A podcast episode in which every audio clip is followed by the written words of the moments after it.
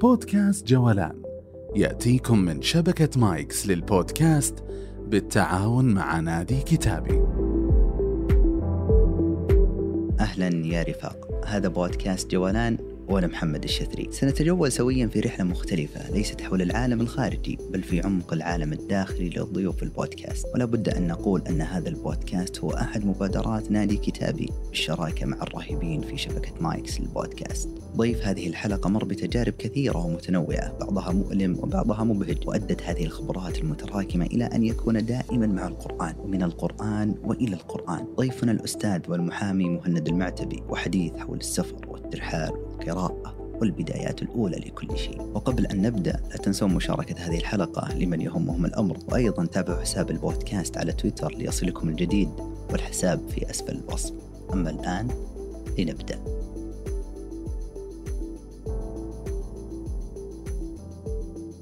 أهلا وسهلا أستاذ مهند. حياك الله محمد شرفتنا شرف لي بارك الله آه نشرت قبل تقريبا سنتين بوست في الإنستغرام وأنت مقل. نعم. في النشر كانت خاطرة بعنوان لم تعلمني الحياة شيئا فذكرت في مطلعها إن كنت قد تعلمت من الحياة شيئا فلقد علمتني الحياة شيئا واحدا فقط. نعم شيئا واحدا فقط وهو أنها لم تعلمني شيئا حتى الآن. مع أنك من منذ الصغر آه، مريت تجارب كثيرة رعيت غنم تنقلت آه، دخلت من وظيفة إلى أخرى طلقت في العمل الحر من طلب علم إلى رحلات في القصيم إلى خارج المملكة. ففي تجارب كذا كثير فكيف تقول لم تعلمني الحياة شيئا فقط علمتك أنك لا تعلم شيئا علمتني آه، شيئا واحدا إنها لم تعلمني شيئا صحيح كيف؟ آه، اولا سعيد بهذه الاستضافة الله آه، يحييك. فرصة طيبة مع نادي كتابي للمرة الثانية الحياة ما علمتني شيئا هذه العبارة أو هذا البوست الظاهر نشرته تزامنا مع ما ودي أقول موضة لكن. تزامنا مع حركة موجودة في وسائل التواصل إن أبناء العشرين وأبناء الثلاثين بدوا يكتبون كثيرا علمتني الحياة علمتني التجارب وكذا مع إنك أنت الآن ظرف لاستقبال هذه التجارب جميل. لاستقبال التعلم مم. وحتى الظاهر في نفس ال- المنشور هذا ذكرت في آخره أنه ما تعلمني الحياة ما علمتني الحياة هذا العام قد تعلمني الحياة نفسها العام القادم أن الذي علمتني إياها العام الماضي كان خطأ. كان خطأ. إيه فهذه ليست فلسفة بقدر ما أنه يعني ممكن الواحد في الستين والسبعين يقول فعلا يعني أستقر شيء وكذلك ليس فيه نفي تام لأي تعلم لا. لكن لهذه النظرية يعني نحن ما زلنا مبكرين جدا على أن نقول علمتني الحياة كذا وكذا علشان ما تقفل على عقلك. ما تتعلم شيء جديد. لأنه العام الماضي علمتني أن الصداقات كذا. ثم تبين لك أن الصداقات مو كذا. وهكذا. جميل. هذه هل, هل, في, هل في أشياء آه، فعلا ظنيت آه، يعني قبل سنتين أنت كتبت هذا المقال نعم. أو هذه الخاطرة وأكيد في أمور أنت تقول أني أنا تعلمتها نعم اليوم مثلا بعد سنتين نعم بعد 700 يوم تقريبا وعشرات عشرات الآلاف من الدقائق نعم. ما هي الأشياء اللي تغيرت؟ إنه فعلا تظن إنك تعلمت سابقا لكن اليوم لا تعلم. إي صحيح أعتقد كذلك إذا كنت أنا مهند مو اللي قبل سنتين. إذا كنت أنا مهند اللي قبل شهرين نفس ال- الإنسان فحسافة على الكتب اللي قاعد أقراها حسافة على التفكير اللي قاعد أفكره حسافة على التأمل اللي قاعد أتأمل. لأنه هذه الأشياء ينبغي أن تضيف لك أشياء كثيرة. يعني أحيانا التغييرات اللي تحصل في قراءة في تأمل في شيء تغيير في آلية التفكير أصلا. فالإنسان طبع آه، بطبعه متجدد متغير متعلم وهذا شيء طبيعي جدا. فهو يعني السالفة مو بس قبل سنتين حتى قبل شهرين. يعني قناعات تتولد واحيانا ما قناعات. يعني تعال أشياء أشياء كثيرة خواطر معينة شيء كنت تبالغ في تقديري ثم يخف هذه المبالغة. أحيانا ما هو لازم الفكرة كلها تذهب. أحيانا يذهب وهج هذه الفكرة. يعني يوما ما أن تكون متعصبا لرأي معين ثم تكتشف أن هذا الرأي صحيح لكنه لا يستحق التعصب. ثم بعد فترة تكتشف أن هذا الرأي آه، قابل لأن يكون حمال اوجه ثم تكتشف أن هذا الرأي قد يكون خاطئا. ثم قد تكتشف وتعود إلى أن هذا الرأي يكون صحيحا لأن هذه آراء. يعني لابد أن نفرق تفريقا كاملا بين قضية الآراء خصوصا في الأشياء الحياتية. أو حتى آراء في مسائل فقهية وبين الدين مثلا. لذلك الدعاء مثلا تقول اللهم يا مقلب القلوب ثبت قلبي على دينك. ولا أقول ثبت قلبي على رأيي. صح. يعني رأيي اللي قبل عشر سنوات اختلف الآن وربما أعود إليه إلى آخره. فالعبرة مثلا بالثبات على الدين من الثبات على طريقة تفكير وخصوصا أن الإنسان ولد ونشأ وتتحكم فيه عوامل كثيرة. فأنت نتيجة لمعطيات واجهتها في طفولتك وتربية الوالدين والمدرسة والحي والشارع والمدرسة اللي تخرجت منها والذهاب والمجيء إلى آخره مم.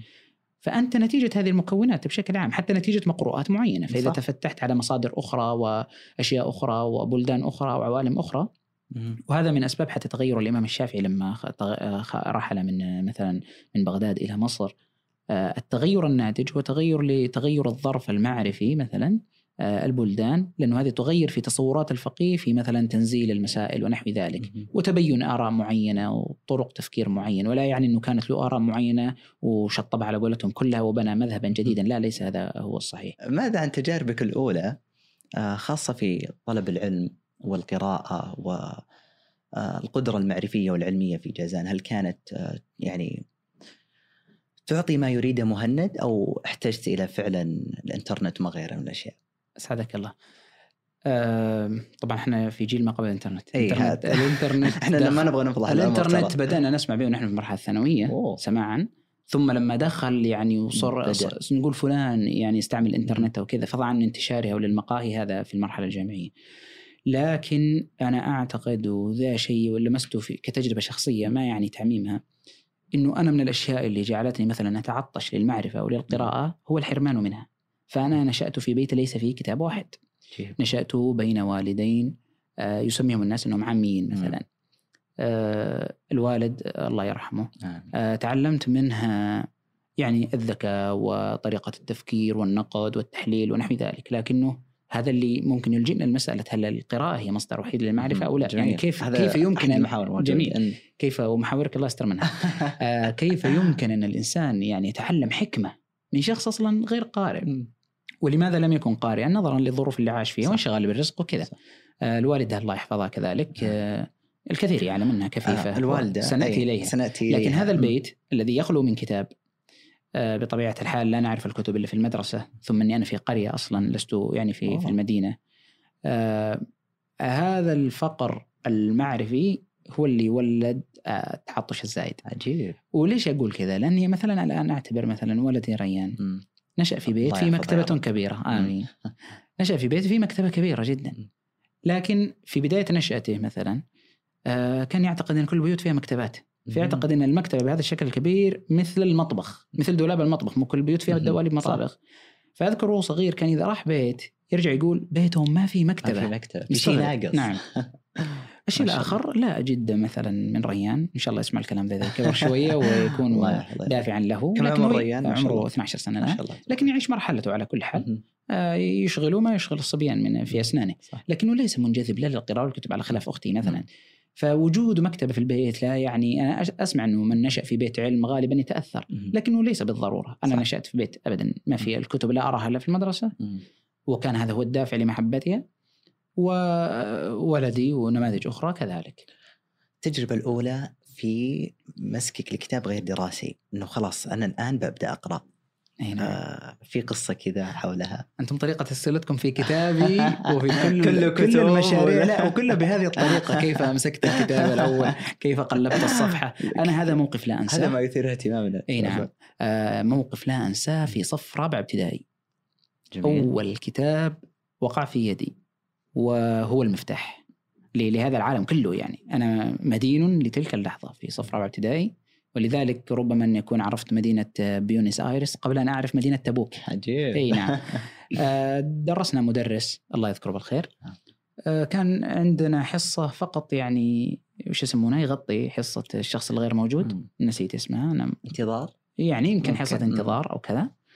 المدرس هذا آه، كل اللي سواه قال يلا امشوا للمكتبة. أنا أنا أول مرة نعرف إن المدرسة فيها مكتبة فذهبنا للمكتبة والحقيقة المكتبة كانت غنية بالكتب يعني عليه غبار وكذا لكن يبدو إنه حصص القراءة كانت لصف سادس وخامس ربما يعني لكن صف رابع آه، فذهبنا من باب الفضول يعني أنت أيها المدرس. قد تأخذنا للملعب أو قد تأخذنا آه،. للمكتبة فذهبنا فقال كل واحد يأخذ طبعا تتحدث عن طالب في رابعه ابتدائي ربما بلا مبالغة قراءته مثل واحد في ثاني ثانوي الآن.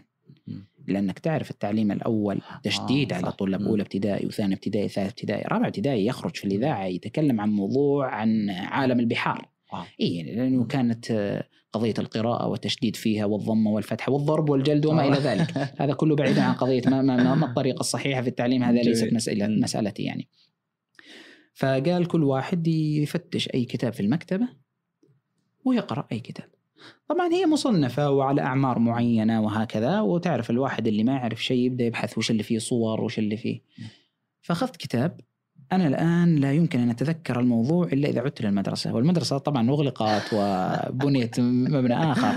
عجيب. لكن آه، كتاب كان قصة وهذا له أثر حتى في انفتاحي على ثقافات أخرى في عوالم أخرى تعيش عجيب. لأن القصة كانت شخص في بيونس آيرس مثلا okay. من الكتب اللي ترجمت آه، من الدور اللبنانية آه، روا- القصص الشهيرة اللي مصنفه للاطفال آه، فكان هو المفتاح أخذت هذا الكتاب وكان مثل القصص العالمية مثل ما أقول لك قصة الغابة وذا جنجل بوك حق. موكلي قصص سالي تعرف هذه. قصص عالمية. تترجم. نساء صغيرات مدري إيش في في كتب كثيرة تترجم فهذا الكتاب يبدو إنه لم يكن من الكتب المشهورة مثل هذه الروايات العالمية لما قرأته وجدت إنه يوجد شيء في العالم تقرأ شيئا وتجده يعني يتخامر مع عقلك وقلبك غير الكتب الدراسية اللي أنت تدرسها لأنك في مادة المطالعة وكذا تتعلم مم. عالم البحار مدري إيش وكذا أحمد ذهب أحمد إلى تتمنى آخره شيء مختلف اليوم الثاني أتمنى إنه ما يأتي مدرس لأنه انتهت الحصة مم. تقريبا إني آه، آه، قرأت نصف الكتاب لأنه كله مع الصور ما يصل مم. 40 صفحة صح. يعني مصنف للصغار آه، ما ما اعطونا حصة انتظار. الفسحة ذاك اليوم الثاني أو الثالث ما أفطرت استأذنت أبغى أروح مم. مكتبة. كانت مكتبة مغلقة. أوه. لا ما تفتح إلا إذا في حصة مم. انتظار. شيء من هذا القبيل ف يعني ذهبت الفسحة وأكملت هذا الكتاب لأني وضعته على رف معين. آه، جميل. كانت هذا المفتاح. علمت إن الكتاب هو آه، يمكن أن تبني معه علاقة كيميائية عجيب. في رابعه ابتدائي. كيف تدرجك في آه ثم فتح هذا الباب صرت أبحث وأتقصد. وذيك الفترة كانت آه، في مجلة ماجد وتقريبا باسم ونحو ذلك. فخلاص إذا رحت للاسواق الكبيرة وكذا أحرص إني مثلا أشوف ماجد أشوف آه، آه، باسم آه، يعني عالم المجلات بشكل عام.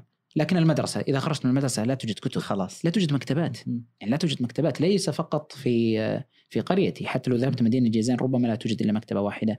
واصلا لم أكن قادر على الذهاب إلى. مدينة جيزان يعني. عجيب. إي لم لا لم نكن نملك سيارة أصلا. عجيب. لم نكن نملك سيارة. مم. كنا نملك حمارا. يا شيخ. نعم. كان والدي رحمه الله يمتطي. الحمار. عجيب. وكانت أسعد لحظاتي. إذا بيطلع يعني لسوق القرية اللي يباع فيه الخضار والأشياء. الأساسية. أنا أقول له بروح معك فرحمه. الله يمد لي رجله فيمسك يدي بيدي وأضع رجلي على رجله ثم أمتطي فيأخذني هكذا بقوة. مثل الفارس ويضعني على فخذه يعني. وأنا في أولى ابتدائي وثاني ابتدائي وكذا آه، فقط يعني إلى سادس ابتدائي نحن والدي رحمه الله لا يعرف إلا الحمار بعد حتى كان هذا السؤال هل الإنسان بحاجه إلى سيارة؟ ما. كان يعني حاضر كان- علما ليس كل أهل القرية هكذا لا. يعني الذين عندهم مثلا حمير طبعا بعض- الناس كل ما ذكر حمير لازم يقول كرمكم الله وكذا وهو فيه إيه. من الفوائد بالضبط ف يعني كان أهل القرية يعني يمكن عشرة أشخاص كلهم اللي عندهم آه، سيارات إيه لا عفوا السيارات هي آه، آه، هي- الأكثر هي اي الأكثر. اي لأنه بعضهم إذا سمع إني راعيت غنم ولا كذا يظن. إني عشت في بيئة. جدا لا ليس صحيحا آه. لكنه يعني الوالد الله يرحمه أنا ولدت وعمره ستون عاما ما شاء الله شفت الفج شفت الفجوة العمرية الكبيرة ما شاء بيننا الله يعني لما- الاكبر ولا أنا أصغر واحد أصغر واحد أنا جيت على إيه. قولتهم أختم يعني حياة إيه، الوالد بالطفولة اي. آمين. عجيب فتخيل لما لما وصلت رابعه ابتدائي انت تتحدث يعني إذا إذا أنا عمري عشر فالوالد عمره 70 70 إي. فأين يعني وأنا أقول له مثلا روح مكتبة وكذا وهو يعني إلى آخر حياته رحمه الله وهو يقضي حياته في الشغل لأجل العائلة ما ترك العمل آه، إلا بعد ما خلاص صار أخوي طبيب وأنا صرت في كتابة. العدل. وكذا إحنا أجبرناه على أنه يرتاح. يعني. فكان يعني يروح سوق الخضار وكذا. فكان خضرواتيا يعني في جيزان. يبيع الخضار متى. رعيت الغنم؟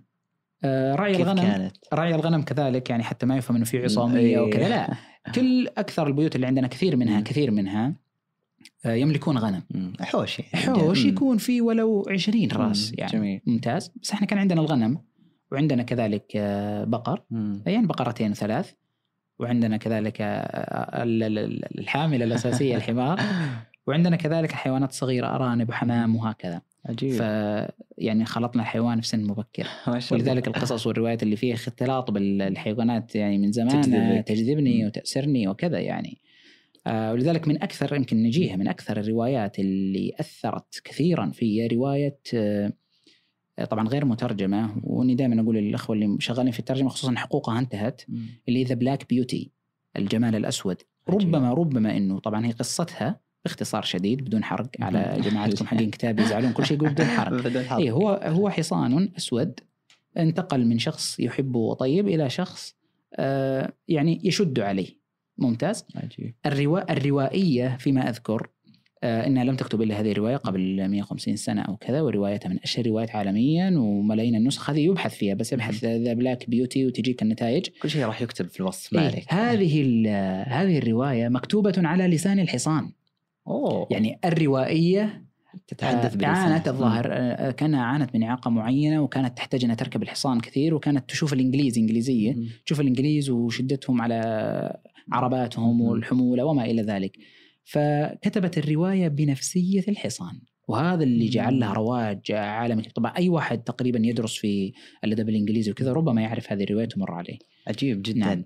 لأني ممكن ابن قرية استشعر كل ما ذكرته صحيح. أنا كل شيء عشته إلا مسألة الحوار ما لحقت عليه بس تصدق تصدق إني نقصت عن الجواب هذا من جماليات البودكاست طبعا. أنتم تحضرون وأنا إي تسترسل. الغنم. رعي الغنم كان عندنا غنم فكانت تحتاج يعني في مواسم تأتي تصير في أمطار تصير في خضرة. معينة فمن اقلال ال- الكلفة على يعني ال- الغنم اللي عندك إنك ما تعلفها مثلا. تجيب لها شيء تروح وكانت متعة. يعني مثلا أجهز نفسي واذا رجعت من المدرسة العصر نذهب لأشياء قريبة جدا من القرية ما تحتاج مسافات بعيدة. فترعى وتلعب. ومن تلك اللحظة وأنا في رابعة ابتدائي أحس إني أريد أن أتقمص هذا الدور أن أكون راعيا. أي. ممتاز. والحمد لله ما منا به الا ورع الغنم. آه، صحيح. وزين إن رعينا غنم ما رعينا غيرها لأنه فعلا تكسب الإنسان رقة. وعطف و...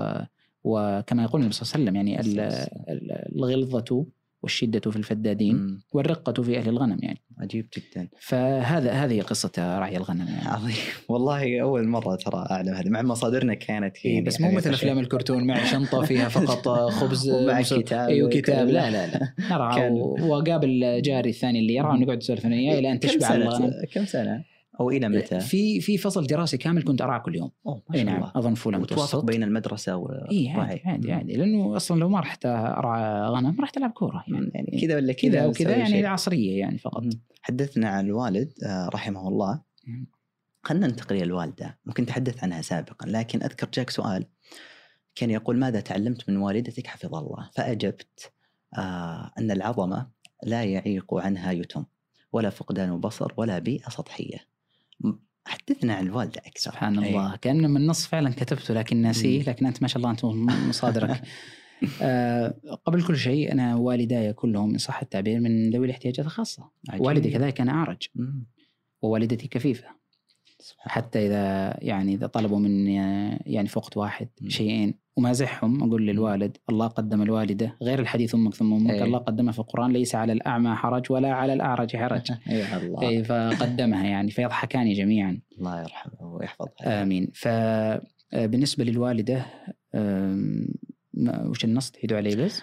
آه قلت أن العظمة لا يعيق عنها يتم ولا فقدان بصر ولا بيئه سطحيه نعم نشأت يتيمة الأب والأم. أمها توفيت عنها وهي تقريبا في أشهرها الأولى في مهدها يعني. ف... الله يغفر آمين. ثم أبوها توفي وعمرها تقريبا ثلاث سنوات. وهي تذكر تقول يعني تذكر حب والدها لها ولأنها. كانت يتيمة أم. فكان عطفه مضاعفا عليها فتقول غاب فجأة وكنت أسأل فكان يقولون راح بيجي. راح بيجي إلى أن علمت وك- وكانت أذكر في تجمع ناس وكذا يقول لما تقول لما كبرت عرفت أنه هذا العزاء وأنه مات. فوجدت نفسي بلا أم ولا أب. ثم آه، يعني عصبتها اللي هم من جهة الأب. آه، في مدينة أخرى في ضمد وما حول ضمد يعني وأخوالها في قريبين من قريتنا. تعرف يعني في مثل تلك الظروف الصعبة من يتولى يتيمة كفيفة صح. آه، طبعا كف بصرها وهي في الثالثة تقريبا يعني مم. يعني هي رأت في شاء الله. ثم كف بصرها فكف بصرها ذهبت تلعب إلى السيل كان إذا جاء السيل كل مم. الأطفال يذهبون يلعبون صح، صح. فيه فسبحان الله البداية كذا اتسخت عينها من ماء السيل وثم العلاج. الشعبي مم. وهكذا إلى أن كف بصرها فهذه الصعوبة اللي عانتها وتربية آه، ضرة أمها لها. مثلا آه، إلى أن كبرت إلى أن تزوجها الوالد طبعا الوالد. تزوجها وهو كبير يعني تزوجها الوالد وقد تجاوز الأربعين ما شاء الله نعم ما شاء الله وهي بالنسبة لوالدي تعتبر الزوجة الخامسة ما شاء أو الله الس- عفواً السادسة. ما شاء الله نعم ولكن لم ينجب إلا منها سبحان الله وبعد يأس يعني واحد. تتخيل وصل 40 وصل. تزوج. قبلها و... وهكذا لم ينجب إلا منها ويعني قرت عينه بها. مم. كيف صنعت هذه البيئة مهند؟ آه، بلا شك الوالدة. بلا شك أنا في النشأة ما كنت أرى أي نقص. يعني لدرجة إنه تأتيني هذه الأسئلة يعني هل أمك تطبخ لكم؟ هل آه. أنا لا أعلم لا تطبخ إلا أمي، لا تغسل ملابسي إلا أمي، لا تجهزني إلا إيه. أمي. لدرجة إني فعلا بدأت أسأل هل فعلا الكفيف ما يقدر يسوي كذا؟ لأني ما وجدت أي نقص، هل تعلم يعني من باب آه، يعني الطرفة مم. أمي إلى الآن أكبر عقدة لها شيء واحد، ما هو؟ يعني شوف تغسل وتطبخ. وتذهب إلى الآن إلى الآن هي. تقوم عن نفسها. فيش الكهرباء، يا الراديو حقه إذا انفصل هو. كيف ترجع تركبه من جديد؟ يا الله البحث عن الفتحات إيه. وهكذا. فلذلك إذا جيتها وكذا تقول بالله تأكد لي ان الشاحن إيه. مركب، تأكد لي. ان المسجل صح. مركب، أو أحيانا تدري إن يعني مثلا الراديو مفصول من العصر والآن. العشاء فركبوا لي. فهذا ال- الشيء الوحيد اللي شعرت إن الوالدة تحتاجه. طبعا ما عندنا تطامن إن الواحد إذا أصيب بإعاقة معينة أو كذا يقول لا. ويندب حظه وكذا، هذا ما كان ما كان موجود ابدا. بالنسبة للعظمة نعم كونت نفسها وحفظت القرآن كاملا. ما شاء هذا نشر يعني تقريبا. في تويتر عام إيه. 2011 ما شاء الله. وكذا آه ويعني الحمد لله وامرأة صالحة واست- واستطاعت بعد توفيق الله أن تربي أولادها الحمد ما ما. نقصها شيء إلى الآن لا نرى أنه ينقصها شيء ولا لدرجة أني ما قد سألت نفسي هذا السؤال هل أتمنى أنه يكون عندي أم مبصرة أو كذا. ما أرى في أمي أي نقص ما شاء الله الله يحفظها لا أرى النقص إلا في في تعاملي. معها يعني في تقصيري معها. الله يحفظها يا رب. ويخليها لكم آمين. كم تقريبا عمرها الآن؟ آه، تجاوزت 70 ما شاء الله نعم. الله يمدها. بصحة وعافية آه. عن تجربة القراءة ذكرنا في رابع ابتدائي كانت التجربة الأولى عن المراحل في التنقل آه، كانت المتوسط الثانوي عن بداية مثلا قراءتك في العلوم الشرعية وغيرها متى كانت تحديدا؟ ممتاز. القراءة الأولى كانت كلها قراءة عامة آه يعني إنشاء علاقة بين الكتاب ومهند. آه في في الابتدائية قرأت كثيرا يعني في سادس ابتدائي. آه آه، هذا تزامن إن مثلا أختي تكبرني بأربع سنوات في المدرسة فكانت قد تأتي بكتب من المدرسة. آه عجيب. يعني الشاهد لا يمكن أرى كتابا إلا وأقرأه. ما شاء الله. يعني في مدرسة في أي مكان يعني مثل مثل الحلوى للطفل إذا وجدت شيء تريد ممتاز. فهذا كتاب هذا طعم آه، فأعتقد إن الكتاب الأول هو اللي كان له أثر المرحلة المتوسطة أستطيع أن أقول إني يعني هي مرحلة انقطعت فيها عن القراءه مم. آه، لأنه م- اولا هي مرحلة تغيرات صح، يعني تغيرات صح. فسيولوجية وتغيرات. نفسية ثم أنا ذهبت لل- للدراسة خارج القرية أوه. مخالفا لجميع زملائي في القرية لأنه مم. قريتنا فيها ابتدائية ومتوسطة ثانوية ثانوي جميل أنا بعد سادس ابتدائي أردت إني أردت أريد لي أو أي شيء أنا. أدرس في التحفيظ. أقرب مدرسة تحفيظ وكانت متميزة جدا. ولها أثر في صقل شخصيتي ولكن في غير القراءة. مدرسة تحفيظ القرآن الكريم في أبي عريش. محافظة أبي عريش آه، فذهبت يعني تبعد عن 20 دقيقة أو. حتى أكثر 25 دقيقة مثلا فتلك الفترة تعرفت على الحياة من جوانب أخرى. يعني صداقات عالم جديد تشعر كنت. صراحة كنت أشعر كأني مبتعث يعني لدرجة أن الأصحاب المقربين يعني اللي. ما يسمى الآن بالتنمر كان. يقال لي مثلا آه، القروي البدوي. أو كذا مع أنهم يعني ليسوا في باريس يعني أبو عريش يعني. للعلم يعني أبو عريش أبو عريش. ترى بلهجة إخواننا البنغلاديشية والهنود باريس باريس أنا في رو باريس يعني أنا في. روح أبو عريش باريس إيه. تعرف الشموب. عندهم أنا رو باريس. فأنت رحت باريس إيه فأنا إيه. أقول لهم يعني يعني يعني طبيعي أهل جازان المدينة ممكن يقولون يعني لأنهم على الساحل وعندهم بحر. طبيعي يقول لي أهل البر يعني مم. فأمزح مع أصحابي من أبو عريش قلت لهم كنتم تقولون يعني البدوي والقروي أنتم وين يعني هي قرية كبيرة جدا هذه المحافظة يعني. فثلاث سنوات كانت هناك كانت جيدة يعني فيها تعرف على آه، اللي هو أنا أسميه أول انفتاح. ثقافي لي أوه. مع أولاد المحافظة مع اختلاف العائلات ونعم. كان يدرس معي في الصف مثلا ابن لشخص هو إلى الآن يعني من أثرياء ما المنطقة شاء الله. وهكذا فهذا التنوع ما كنت أجده في القرية لأن القرية كلنا أقارب كلها أقارب وكلنا آه، تصور واحد ويعني. ما هو عقل الجمعي صح. العقل الجبري جميل. فنعم فكانت المرحلة المتوسطة ما فيها قراءة لكن فيها فيها لعب. وفيها اخذت أخذت حقي النفسي من نفسي ما شاء الله لا. بعدها الثانوية الثانوية نعم كنت في مسار علمي ولا الأدبي؟ آه كنت في مسار علمي الطبيعي مم. طبيعي اي لأنه المرحلة الثانوية رجعت. لمساله آه، حفظ القرآن. وكان هذا متزامنا مع آه، مع المدرسة الثانوية فرجعت للقراءة لكن لم تكن القراءة الشرعية. رجعت للقراءة وقراءة بشكل عام. بقوة مم. وأدخل في مسابقات قراءة آه، وهكذا. في المرحلة الثانوية وكان كان لنا مدرس يعني يشجع على القراءة ويحث عليها و آه، يعني على قولتهم يجيب كتب وينشرها و... جميل إي فكانت هذه ومكتبة المدرسة الثانوية كذلك كانت مختلفة كانت تماماً إيه كانت فيها مراجع وفيها آه، الأمر الآخر أخي كذلك آه، الأكبر مني وله. فضل علي في أشياء كثيرة لكن ما أستطيع عدد ما يعني فضائله الآن آه، كان يدرس في كلية الطب في أبها. دخل كلية الطب وأنا في تقريبا في بداية المرحلة المتوسطة أو نهاية آه، الابتدائية في مرحله الثانوية هو كون لنفسه مكتبة. أوه ما شاء الله. طبعا أنا استوليت عليها. إلى الآن. إلى إلى, الآن. إلى الآن نعم. وقلت له لن أرد عليك إلا بحكم قضائي على حد قول الاديب محامي عبد الله. إيه. ف آه، يعني كان إذا جلب كتابا أو قرأه أو كذا واجده مم. مسجل اسمه يعني. اقتناه في تاريخ إيه. كذا وكذا. آخذه أنا يعني. في الأخير يرجع لك. إيه يعني ما هو ما كان يعارض يعني و... هو يأتي مثلا في كتب لأنه يدرس في أبها. مم. فيأتينا فقط في الإجازات. اجازات فيترك بعض الكتب موجودة فاقرأها. فإذا أنا أنا نزل كتب جديدة لأنه يعني ممكن أتصرف فيها أي تصرف آخر يعني. فهذه فترة كانت ذهبية، كانت تلك الفترة كانت في مجلات وأشياء كثيرة، المجلات فعلا ساعدتني إي مجلات كثيرة جدا يعني كان كان يجلبها معه. ففي ارتباط في المرحلة الثانوية بالقراءة، ودرست في تخصص علمي. آه، أنت إذا صار أخوك الكبير دكتور؟ آه فلازم بالعادة انك إيه. تصير يعني مشابه له. مشابه له نعم. نفس المسار. وكان في إشكالية في تلك الفترة. إنه ما تعطيك كلية الشريعة يمكن أن تجده خارج كلية الشريعة مهم. يعني في النهاية ال- آه. كلية الشريعة بتعطيك علوم شرعية صح. وأنت تستطيع تحصيلها في المساجد وكذا صح إضافة إلى آه، النداء القائل بحاجة الأمة. للأطباء والمهندسين. وكذا وهو نداء صحيح يعني صح. بس لا يعني إنه قد يناسب كل شخص فأنا في هذا المسار إلى آخر أسبوعين تقريبا قبل الاختبارات النهائية في ثالث ثانوي تغير المسار تغيرا مفاجئا أن أكون آه آه للشريعة كيف أيوه لها قصة آه. طويلة يعني لكن باختصار شديد آه يعني كنت حتى ما أريد آه، الحقيقة التخصص في يعني في الطب كنت أريد تخصص تخصص بعيد وسألت عنه كثيرا ولم أجد إنه إلا إنه في أحد كليات الملك سعود في الرياض. وكان لدي رغبة جامحة بناء على التجربة السابقة لا بناء على آه، شريط فيديو شاهدته. لأحد الدكاترة في هذا المجال. أنا ما ودي أقول. المجال عشان ما يضحك علي فقط يعني. ولا أقوله؟ قولوا وش لا كانت في علم الفلك. عجيب. تلك الفترة آه، نزل آه، فيديو لدكتور طارق السودان. اسمه إعجاز الله في ال في ال- إعجاز الله في الكون. في الكون جميل. أول مرة أشوفها بهذا الأسلوب. آه، ثم كانت في دورات معينة أو مؤتمر ندوات معينة متعلقة بالإعجاز العلمي.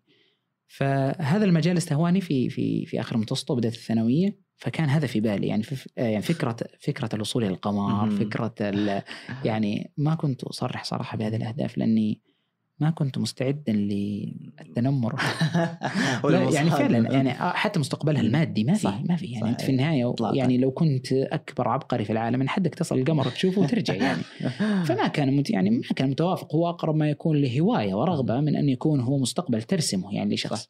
لكن كان أخي آه، طبيب ما أذكر أنه عارضني على شيء وكان يقول لي علم الفلك وممتاز و... والله يقويك. اي ممتاز طيب. كان شيء جيد يعني. وفي ثالث ثانوي استشرت شخص وقال قلت له هل توجد كلية هنا تدرس علوم الفلك مثلا؟ إيه. فذكر لي شيء موجود في الملك سعود الشاهد إنه في الفصل الدراسي الثاني غيرت الفكرة أنا أمام إما طب أو هندسة مثلا. يعني كسائر أقراني أي واحد شاطر في شيء معين رياضيات كيمياء فيزياء أنت طبيب أنت مهندس أيوة صح. يعني والذكاء إلى هو الآن تقريبا نعم والذكاء هو ذكاء واحد مم. الذكاء العلمي أنت ان تكون قادرا على مسألة حسابية صح. بسرعة مم. يعني ما كان هناك أي اهتمام للذكاء العاطفي عاطفي والاجتماعي. بعضهم. وصل إلى 16 نوع وأكثر كيف تحولتي للشريعه؟ آه، كان قرار مفاجئ صراحة مم. كان لي صديق متخرج من قسم علمي مم. درس سنة في كلية آه، آه، الصيدلة أو طب الأسنان نسيت الآن ثم بعد ذلك آه، ذهب لكلية الشريعة بسبب ما معين. أنا كان اللي يشغلني هذا السبب كيف مم. أن شخص يدرس ثم يذهب لكلية مم. الشريعة. فبدأ يحدثني عن كلية الشريعة. آه، في تلك الفترة كنت أقرأ كتب شرعية. آه، فمثلا فزادت رغبتك إيه فكنت أسأله مثلا عن كتاب معين. يقول لي مؤلف هذا الكتاب يدرسني في الكلية. يا الله. ف... آه ممتاز. طبعا تلك الفترة كانت آه، وأنا في الثانوية كانت على حياة الشيخ بن عثيمين الله يرحمه. فلو أردت أن أذهب آه، أن أدرس في مكان أريد أن أذهب للقصيم. لكن الله يرحمه توفي ونحن مع مع التخرج يعني فكذا وكذا ما أدركناه يعني. رحمه الله آه. فغيرت في آخر خلاص وصلت الأسابيع الأخيرة قبيل الامتحانات النهائية في ثالث ثانوي كذا جاء قرار اللي كما يقال قرار لا تعرف أسبابه كما يسميه الفقهاء الاستحسان. يعني ينقدح في ذهن المجتهد دليل لا يدري كيف يعني. فقلت خلاص كلية الشريعة فجاء أخي الطبيب يناقشني وقلت له تراجع اما يسرك أن تكون أنت طبيب ال- الأبدان وأنا طبيب. القلوب يكمل بعضنا بعضا يعني فقررت هذا القرار وصراحة عانيت من هذا القرار. يعني كان ردة فعل المجتمع؟ رد فعل. كثير من الأصحاب. والأساتذة. آه قررت إني قبل س... قبل أسبوعين من الاختبارات إني ما أذاكر ولا مادة حتى تركت كتبي في المدرسة عجيب؟ لسبب واحد. لأني جايب معدل في الفصل الأول مرتفع ما شاء الله وجايب آه، درجات الف... الترم. الت... الفصلية مدري. وش يسمونها أعمال السنة آه، مكتملة فحسبت حسبتي لو أجيب صفر من راح 30 تنجح. ذيك. الأيام أيام 30 اختبارات صح. الوزارة مم. صفر من 30 في كل مادة أنت تاخذ جيد بجيب تقريباً. 79 بالضبط مم. فقلت مستحيل راح أجيب أصفار راح أجيب واحد عشرة. وفعلا في مادة جبت ثلاثة من ثلاثين في اختبارات وزارة ولا ضرتني ف وفي مواد الدينية والأدبية جبت فيها درجات مرتفعة فتخرجت بمعدل طيب جدا يعني حتى ممكن يقبلني أيوة، في في تخصصات معينة إيه، ليش لما؟ إيه. لماذا أذاكر وأنا خلاص قررت إني راح أروح الشريعه ليش اخذ درجة يعني؟ وكونت أصدقائي الخاصين. كانت تلك الفترة فترة متأزمة لأنه. آه كنت أروح أيام الاختبارات كذا في الساحة تعرف التوتر إيه. اللي واحد سهران ويقرأ ويده وكذا فكنت أقول واحد من اصحاب اسمه خالد الله يذكره بالخير أقول له إيش الاختبار اليوم؟ تخيل واحد مو حافظ الجدول مش عارف أي شيء. كانت صدمة اغرب عن وجهي اليك عني يعني. هو شايل هم. اي هو شايل هم. و... ثم إذا خرجنا نراجع مر من عندهم. مم. والله ما أدري صح ولا خطا على كل. آه، الله الله يقويكم. يعينكم يعني. اي والحمد لله تيسر وتخرجت وأخذت الدرجة اللي. تقبلها الشريعة وزيادة. وذهبت لكلية الشريعة لكن كان كان كان؟ إيه في القصيم جامعة القصيم؟ أنا تقدمت اليها وهي جامعة الإمام فرع القصيم فرع القصيم قبل أن تتحول قبل أن تتحول هي تحولت على أو- آه، يعني أواخر يعني تقريبا قبيل التخرج. بشيء بسيط تغيرت صارت. جامعة القصيم قصيم ولا كانت الرغبة أنه يعني نحن ذهبنا إنها جامعة الإمام اسم الإمام. جامعة. الإمام ولكن في فرع القصيم. وكانت بدايتك في طلب العلم الشرعي آه تقريبا؟ كانت البداية الجادة الممنهجة المرسومة. مم. لأنك أنت أمام إما مقررات كلية الشريعة أو أمام البرامج الموجودة في المساجد أو مم. أمام طريقة القراءة على المشايخ في المساجد. جميل. فهذه أستطيع أن أقول نعم هي آه بداية طلب العلم الممنهج. الممنهج. نعم. على طريق العلم الشرعي وطلبه ذكرت في مقال تقريبا كتبته عام 1434 وذكرت فيه آه، فللعلماء إشارات تخلو منها الكتب وللكتب ملكات ليست عند الرجال والمعادلة تكاملية. هنا أنت كنت تذكر عن ممكن تذكرني المقال؟ عام أنا 34 أنا ذاكرتي ذاكرة سمك. آه، اللي ذكرت فيه عشاق الكتب أو علم آه الأوراق. علم الورق. أي علم الورق. آه نعم. ذكرت فيه. ممكن نتطرق لعلم الورق لكن بسأل هنا خاصة المدارسة عند الرجال أو الانغماس مع الكتب. آه كيف ترى خاصة اليوم يعني في هبة كذا إنه فقط يعتمد على الكتاب وفي برضو فقط يعتمد على الشيخ في في تحصيل العلم الشرعي تحصيل فقط العلم الشرعي فقط آه، لا بلا شك المعادلة تكاملية. لأنه آه، كان العلم في صدور الرجال اولا مم. ثم سطر في الكتب أظن هذه العبارة حتى للإمام الشاطبي يعني في موافقاته آه، ال- ال- العلم الشرعي الأصل أنه يؤخذ بالتلقي.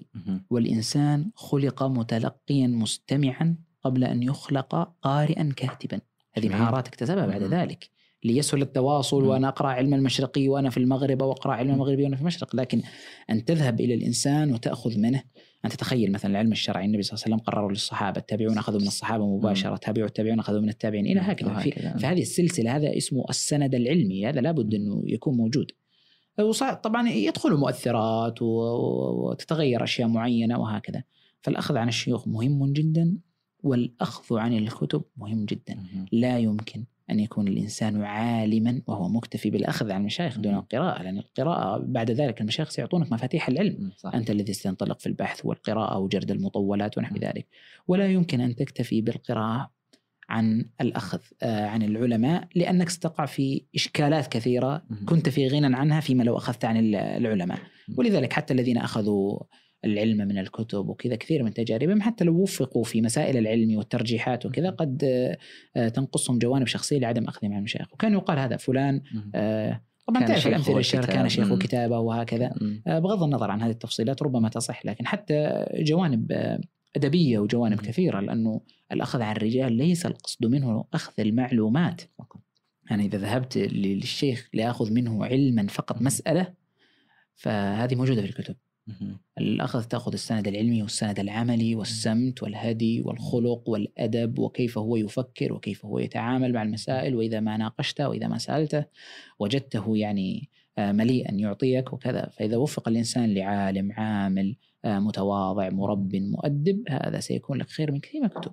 عجيب. فلا بد أن يضاف هذا. يعني كثير من العلماء حتى المتبحرين وجدوا هذا الشيء. لا بد من التكامل.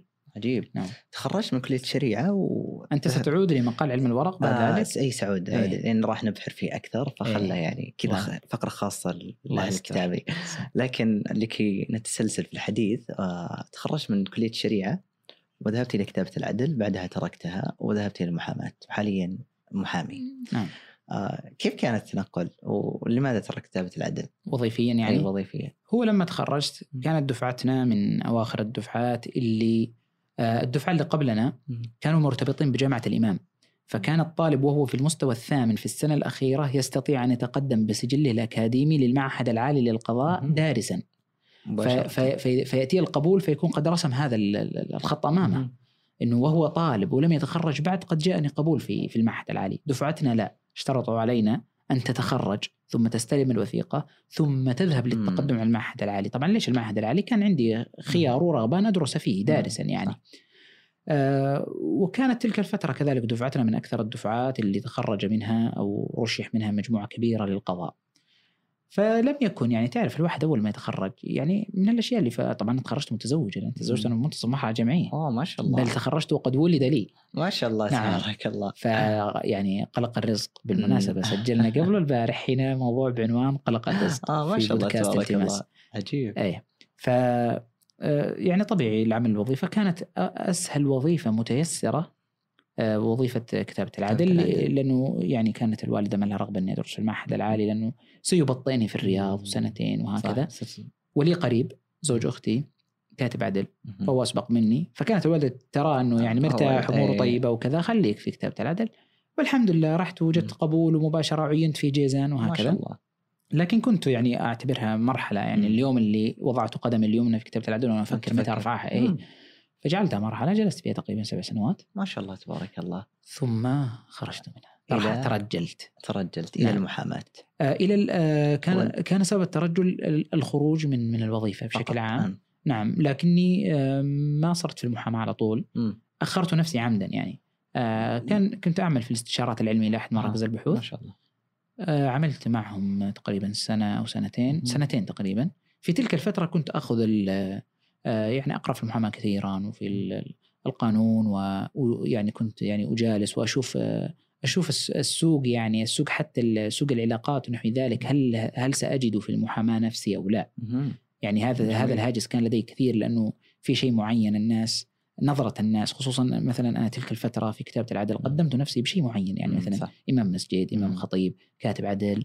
آه، خلاص عارفينك ال- الناس. المحاماة إيه. الناس بشكل عام والمدينة صغيرة مم. مدينة جيزان صغيرة تعرف مباشرة تعرف مباشرة صح. يعني كل ش... كل إنسان في مدينة جيزان خلال الست سنوات الماضية مثلا آه، اشترى عقارا أو شيء فهو بالضرورة مر علينا فمروا علينا مم. ورجال الأعمال. وهكذا والشيء الثاني إنه كثير من عمل المحاماة في نظر الناس قائم على الخصومات. وهذه ليست شخصية مهند.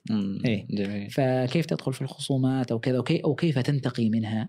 وكيف تفرض فلسفتك على المحاماة ما. تجعلك أنت. اللي تقبل كل قضية والى آخره فأخذت فترة اتامل فيها هل. ستناسبني أو لا لأني لا أريد أن يكون موضوع تقليعات بس أخرج من جو الوظيفة أدخل في المحاماة أنجح فيها أو ما أنجح فأخذت وقتي فيها وكنت يعني على قولتهم متلهيا ومستعينا بالوظيفة الأولى اللي متعلقة بالاستشارات العلمية آه، وكان لدي نفس الدخل اللي في كتابة العدل. يعني كان ما يعني كان في- يعني ما انقطع عندي راتب أو كذا فجلست سنتين ثم استخرجت رخصتي واستقللت يعني ذكرت آه، في المحاماة إنك في البداية تخوفت منها عشان شخصيتك ليست في المخاصمة فكأن هذا صورة نمطية حول أن المحاماة أكثرها مخاصمة وكذا يحبون الفلوس مدري إيش إيه. هالكلام نعم.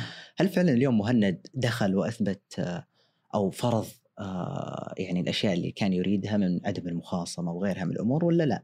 أنه هذا هذا سوق المحاماة إيه في نعم. اولا أنا توقفت وتأملت ولم أخف يعني فسأل السؤال آه ثانيا آه هو آه آه، فكرة أن المحاماة هذا. هذه هي التسمية الشرعية آه عفوا الفقهية اللي موجودة في المدونات الفقهية اسمها التوكيل في الخصومة. آه طبعا الخصومة لا يلزم منها انه يصير فيها شجار الخصومة مم. مأخوذة من أن هذا خصم هذا.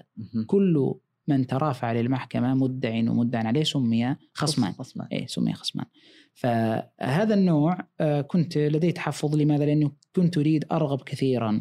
آه، إنه يصير الأمور الناس كثير من الناس تحل أمورهم بالصلح والتسوية و- ونحو ذلك ما, ما يلجؤون إلى. لكن لما يعني وجدت إنه آه، السوق هكذا أو الناس هكذا. لما دخلت فيه ما أستهدف القضية القضايا اللي فيها خصومات يعني معينة. فلان سلفته خمسين ألف ما. رجع لي أو أعطيك كذا ورحت. لا أنا ما ما ترافع في. قضايا مثل هذه لأنه ترى سوق المحاماة وفيها خيارات كثيرة لا تكاد تنتهي لم- لمن يريد أن يفكر بطريقة مهنية. سيجد سيجد طرق آه، لا تنتهي. لكن المحاماة كثير من الناس يعتقد أنه هي فقط مطالبات ومشاكل. بعضهم تجي يقول لك مثلا أنت صرت محامي الله يعينكم أنتم تحبون. المشاكل ليست كذلك المحامي شبهته في هذا السياق بالطبيب. تعرف الطبيب في عمل يشتغل عليه له المر... الأمراض فيأتي المرض فيعالجه جميل ما نقول للأطباء أنتم تحبون أمراض الناس لكن هو معالج الآن. وله وله قدره في هذا المكان. الشيء الثاني اللي هو أقل ثقافة عندنا في الثقافة العربية الطب. الوقائي يعني إنك أنت تبادر وتكشف على نفسك وتشوف كشوفاتك وتعرضها مع طبيب وش اللي ينقصني وعندك نقص فيتامين د وعندك وعندك وعندك إلى آخره. كثير من المحامين آه، يختار هذا النوع اللي هو الإجراء الوقائي آه، مثلا الشركات عقود الاستشارات آه، كذلك أنتم الآن مثلا لما تأسسون مشروع الآن لا يكاد يخلو مشروع من إجراءات صح. قانونية ويحتاجون. ممتاز. كثير من المحامين يعمل على هذا الباب يعني كيف يعطيك بنود الأسس القانونية، وضوابط. التحوطيه مم. وما الذي يمكن أن يصير عقود ف- الشراكة وغيرها بالضبط بالضبط هذا هو فالجانب الوقائي مهم جدا في قضية المحاماة لكن هل المحامي ما يعمل في الأشياء الخصومة إلا يعمل من مم. عمله نصرة. من. عمله نصرة المظلوم مم. حتى صح وكثير من القضايا ترى ليس فيها ظالم ومظلوم مم. بالشكل اللي الناس كأنما صراع بين حق وباطل منطقة رمادية كبيرة. إنه هذا يتصور الحق له وهذا. يتصور الحق له المحامي بشكل عام لا يستطيع أن يكون محايدا مهما حاول. إلا في إطار ضيق. آه هو ينظر بعين موكله لأنه إذا كان النبي صلى الله عليه وسلم هو قاضي يقول إنما أقضي بنحو ما أسمع. فالمحامي يقول إنما أترافع بنحو ما أسمع. أنا في النهاية أتاني طرف واحد. لا أقول له أحضر لي الطرف الثاني خصمك لأسمع منه. أنت لديك أوراق معينة وأنا وصلت إلى حالة من الطمأنينة إلى موقفك القانوني. فموقفك كذا وكذا وكذا فأنا مستعد للترفع عنك. ولكن لا بد أن أضع ال- ال- ال- الالتزامات عليك. هذه الالتزامات بعضهم يبالي بها وبعضهم لا يبالي بها لكن من الالتزامات مثلا إذا تبين أنك أخفيت معلومة مهمة مستندا رئيسيا يؤثر على آه، سير العدالة ونحو ذلك فإن العقد بيني وبينك عقد منفسخ ولا تستحق شيئا مما دفعت من اتعاب لابد انه العميل يتعامل مع المحامي بهذه بهذه النظرية ولابد المحامي يفرض على العميل هذه الفلسفة لأنه أنا أترافع عنك ليحقق لأعيد لك حقك المسلوب فيما تزعم وأعطيك الأشياء اللي أنت توقعها وأرفع عنك الأضرار اللي موجودة عليك. إلى آخره أشياء كثيرة جدا ولكني سألتزم بمهنية. ما. يعني ما هو كل ما طلبت فيه ثم إذا تورطت في نصف القضية وتبين أنك مبطل أنحرج منك لماذا أنحرج بيني وبينك عقد من البداية صح هي البند. الخامس ينص على أنك أنت الآن لم تلتزم بهذا. ففيها مجال واسع. يعني وخصوصا اللي يشتغل في قضايا تحكيم في قضايا آه، تسوية وصلح ووزارة العدل يعني تقوم على يعني الآن تنهض نهضة قوية في في تيسير كثير من الإجراءات الآن في مصالحات في تسويات في أشياء كثيرة جدا جميل يعني تستطيع جداً. إنه من يعرف من يعرف مهند أو حتى من يعرف مهند آه يذكر المحامي وأشياء كذا ثم يذكر جانب الرحلات إي آه فهل أنت مرتحل؟ يعني تقدر تسمي نفسك رحالة مثلا آه طيب آه أو آه، إيش تعرف نفسك في هالجانب؟ اولا آه كثير آه العجيب إن الكثير ما يعرفون إنه محامي لا. آه إي طيب يعني يمكن مقرر في تويتر يمكن آه، مقربين إي في. البايو وضعتها مم. مع إني كاتب تقريبا في البداية بين أروقة الحقوق صح وأوراق المعرفة صح. يعني حتى المحاماة ما حاول إنها تشغلني على بالضبط. المعرفه ثم كاتب اني محامي بس مم. آه، خصوصا لمن عرفني قبل المحاماة لأن صح. أنا أعتقد إن المحاماة جديد ثلاث جديد. سنوات مم. مقارنة بأشخاص لهم 15 إحنا سنة مشكلتنا و10 الأصدقاء الجدد وعشر سنوات آه، فكثير منهم آه، أضف إلى ذلك إني ما ماني أطرح طرح قانوني كثير في مم. حساباتي في وسائل. التواصل يعني لاحظ. أنا أعتبر إن المتابعين اللي يتابعوني من زمان لهم حق علي فما أغير أغيرهم باهتماماتي. يعني تابعناك من زمان. لأشياء معرفية وكذا وكذا. فلا تشغلني صدر نظام ما صدر نظام كنت في المحكمة ما كنت في المحكمة فاحاول المجال ذا لا أدخله إلا قليلا. آه، الفقره الثانية؟ آه الرحلات. الرحلات. إيه لا لا لا أصنف نفسي إني رحالة ابدا. آه لأسباب كثيرة. ليش؟ آه يمكن يزعلون حتى اللي يرحلون. اولا من جهة العدد والكم أنا لا أرحل كثيرا. يعني يمكن في السنة ما أسافر إلا ثلاث أربع يعني أعتقد أعتقد يعني يعني كل فصل. إيه، على كذا كل فصل آه، تقريبا سفرة سفرة سفرتين يعني. يعني. نعم.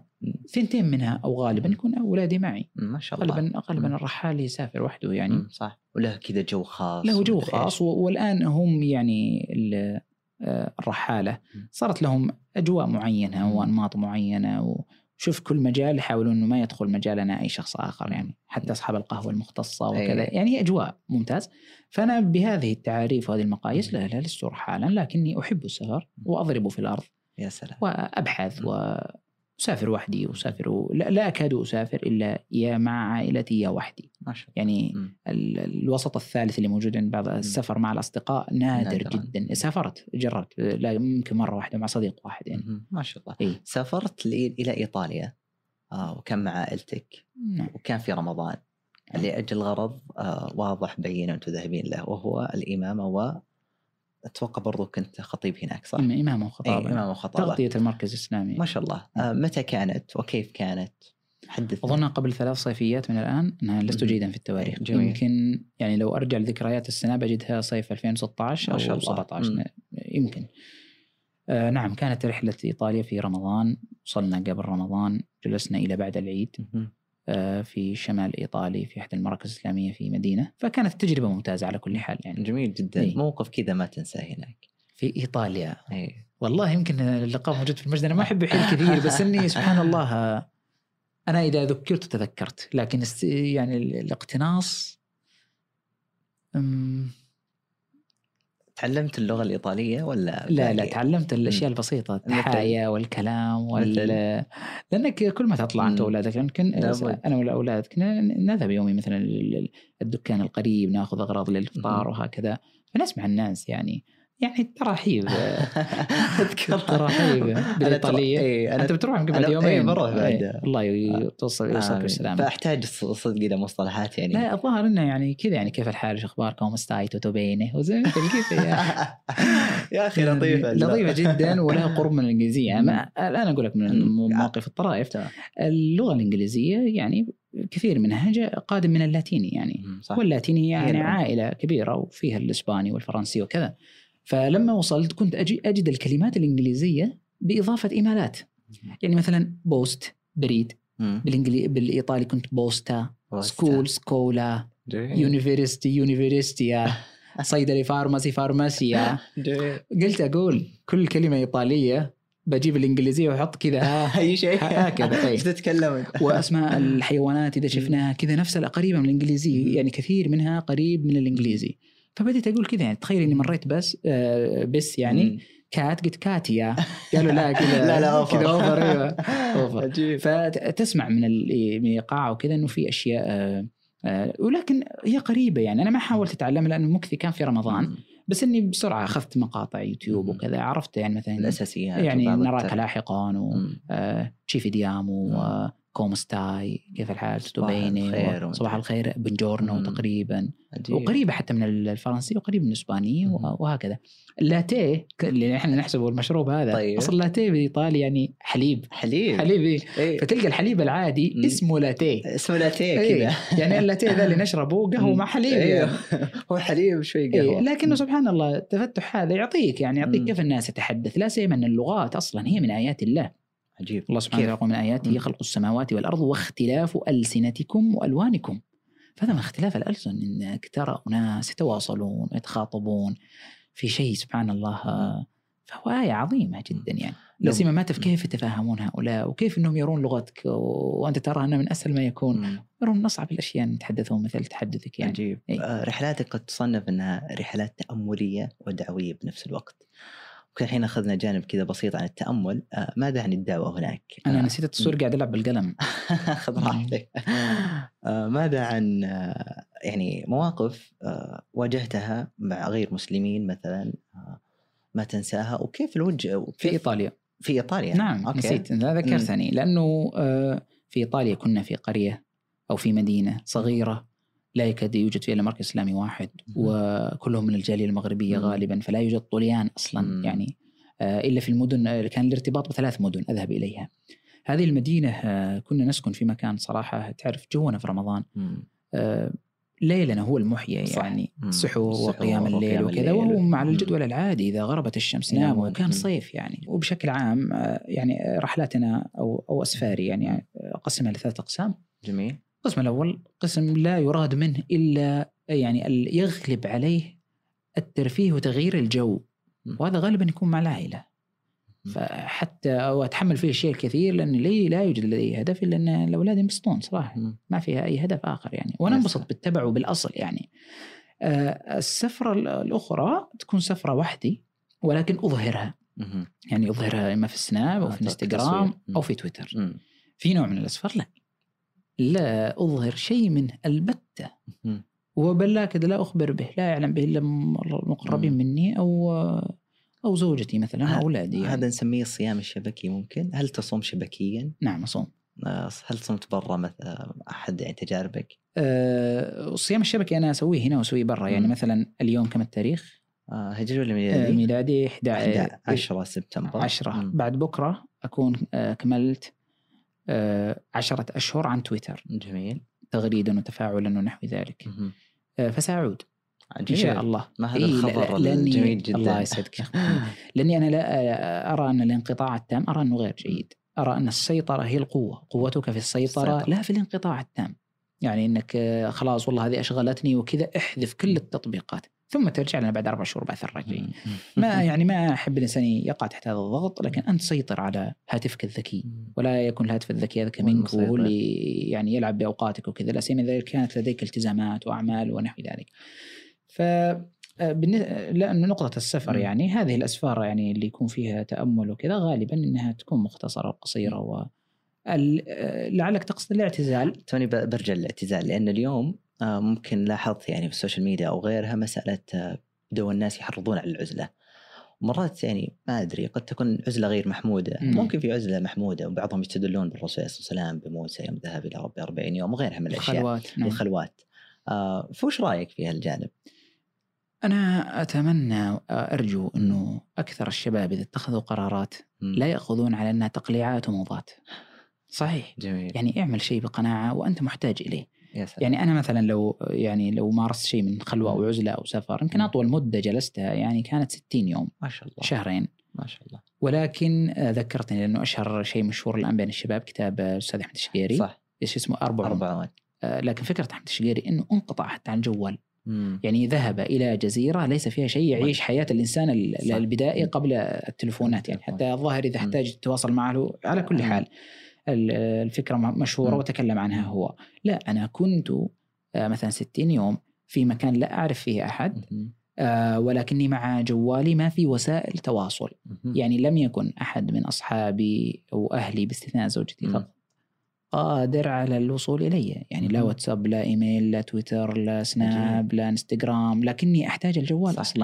أصلا أحتاجه حتى في حوالات البنكية أحتاجه في أشياء كثيرة صح. يعني. فما انقطعت وليس القصد أن أنقطع عن الجوال لأني أعتقد كنت وما زلت أعتقد إن الجوال مثله مثل الكتاب. مثل المحفظة كثير من الأشياء يرتبها لي الجوال حتى في عزلتي. فدائما السؤال كيف أتعامل مع الجوال ليس كيف طبعا في كتاب انتشر الآن اسمه كيف تقطع علاقتك بهاتفك مم. ولكني أقول كيف تسيطر على علاقتك بهاتفك كيف تجعل الهاتف منظما لك وهكذا والحقيقة الحمد لله على نعمة الجوال وكثير من. التطبيقات سهل أشياء كثيره أشياء كثيره يعني اليوم مثلا Apple Pay ما عاد صرت أستخدم البطاقة صحيح. اطلاقا البودكاست الآن بودكاست يعني. مثلا أي يسأل شخص. يحب الرياضة عنده. مشاوير عنده أحيانا مثلا حتى في جلسات المحاكم. يكون جلستي تسعة ما أدخل آه. إلا عشرة وأنا في السيب ومع سماعه البلوتوث اللي ما. حد يشوفه منزل الشماغ أستمع إلى حلقات كثيرة سواء عربية أو غير عربية آه، بفضل التطبيقات هذه. صح. فهو كيف تستعمل وكيف تجدولها وكيف ترتب أمورك كيف تسيطر عليه. طب هل يذهب شيء من هذا الوقت آه، آه، في شيء غير نافع؟ نعم لكنه أنت احسب الضريبة الضريبة المضافة هذه كيف ينبغي أنها تكون. إذا كنت أنت مسيطر على وقتك 80% ثم ال 20% اللي ذهبت في إحماضات ومازحات أو آه، مثلا واحد في جروب واتساب أو كذا. لا إشكال لكن هو الإشكال إنه واحد يضيع وقته أول ما يستيقظ على الجوال يفتح كل الجروبات وتويتر ويدخل بقى عند كل إشارة وهذه هذا موضوع ثاني. ويحتاج. حلقات خاصة في السيطرة عليه لكن هذا نوع من الصيام واحيانا اصوم عن تطبيق دون تطبيق مم. أنا عندي مشكلة؟ من زمان آه، ما تويتر. مثلا صيام يعني حاليا اي وأكون. موجود في. سناب على. خفيف عادي أكون. موجود في تطبيق آخر أو في واتساب. مثلا لكن آه، أنا عندي مشكلة قديمة ما أستطيع إني أبث في أماكن كثيرة في وقت واحد يعني في رجل. في فترة مم. 2000 ومن 2003 إلى 2007 هو فترة منتديات. عز المنتديات مم. ممتاز كان المشاركات العلمية مثلا ملتقى الحديث وشبكة الألوكة وفي منتديات كانت قاعدة تطلع. كذا هذه أهم منتديين كنت فكرة إني وعندي معرف هنا ومعرف هنا. فكرة إني أحط نفس المقال. هنا وأنسخه بمعرف الثاني هنا وأتابع ردود هؤلاء وأردهم وأشكرهم. خاصة ردودنا كانت سهلة مو مثل تويتر. صح. وللرفع وشكرا وهكذا. ما استطعت. فكان أقول إيش خلينا أنا أركز مثلا على الملتقى الحديث. إذا واحد من شباب الألوكة شاف شيء مفيد راح ينشر ويحط رابط. كذلك أشعر بالتعب لما إني أنشر محتوى. في تويتر واتابع في نفس الوقت في السناب في نفس الوقت في الانستغرام هذا ضعف فيه ولا. أشوف بعض الشباب ما شاء الله عنده عنده قدرة على هذا فقد أصوم عن تطبيق دون تطبيق وهكذا هذا الاستاذ يعني. أحمد الشقيري عنده 40 يوم وطلع كتاب هل الأستاذ مهند المعتبي راح يسوي نفس الأمر لكن 60 يوم اي اطلع كتاب أضخم منه إيه، لا, لا. لا الحقيقة في تلك الفترة لم أكتب شيئا أوه آه كتبت. تأملات. ما قصاصات. تأملات لكني قرأت كثيرا. نعم لأنه. كان من مقاصد مم. الرحلة آه ليس القراءه المتقطعه يعني ممكن مم. آه يعني كنت مثلا ربما أقرأ كتاب في اليوم مثلا. ما شاء الله. إذا كان الكتاب يأخذ مثلا أربع ساعات إلى خمس ساعات متفرقة وقد آه، تمارس فيها رياضة وتذهب وتأتي وهكذا. آه، فهذا أنا أشوفه ممتاز لأنه أحيانا الآن أنت مثلا عندك خطة أنك تقرأ مثلا آه، نتاج لمؤلف معين. هذا مؤلف نتاجه ضخم. فأنت لو في زحمة أشغالك وكذا ربما تن- تنتهي منها في سنتين في ثلاث سنوات وهكذا فأنجزت كتبا كنت يعني كانت معلقة بالنسبة لي مشاريع لمؤلف معين وكذا يعني بعضهم مثلا وده يقرا كل كتب المسيري معا كل كتب طه. عبد الرحمن صح. معا. كل كتب آه، ديستوفيسكي معا مثلا في وقت واحد فهذه يصعب علي أنا لا أحب صراحة أحيانا مم. التقطعات وكذا وهذا ربما يعني أتحدث عن القراءة وش وش القراءة ممكن اشياء من الذكاء في القراءة مثلا ممكن يعني في عناصر أخرى وبودكاست آخر يعني ذكرت مرة إن عن مسألة الأعجمي الذي علمك التدبر ممكن إنك ذكرتها في مقطع لكن لو تقدر أنتم تبغونها يعني عشان يصير لكم حقوق إيه. هي. خلاص ذهبت الحقوق لكن إيه. من هو الأعجمي وكيف كانت القصة؟ آه، هي باختصار شديد إنه هذا شخص آه، بريطاني. ولم يتعلم كان لديه هاجس تعلم العربية لكن لم يكن قادرا على الخروج من لندن مثلا فبدأ يتعلم عن طريق اولا بدأ البداية العادية إنه يبحث عن مسجد يكون فيه شخص مثلا هندي يتحدث الإنجليزية والعربية وقت واحد ودروسهم غالبا هناك نحو وصرف كذا أشياء ما تعطيك اللغة.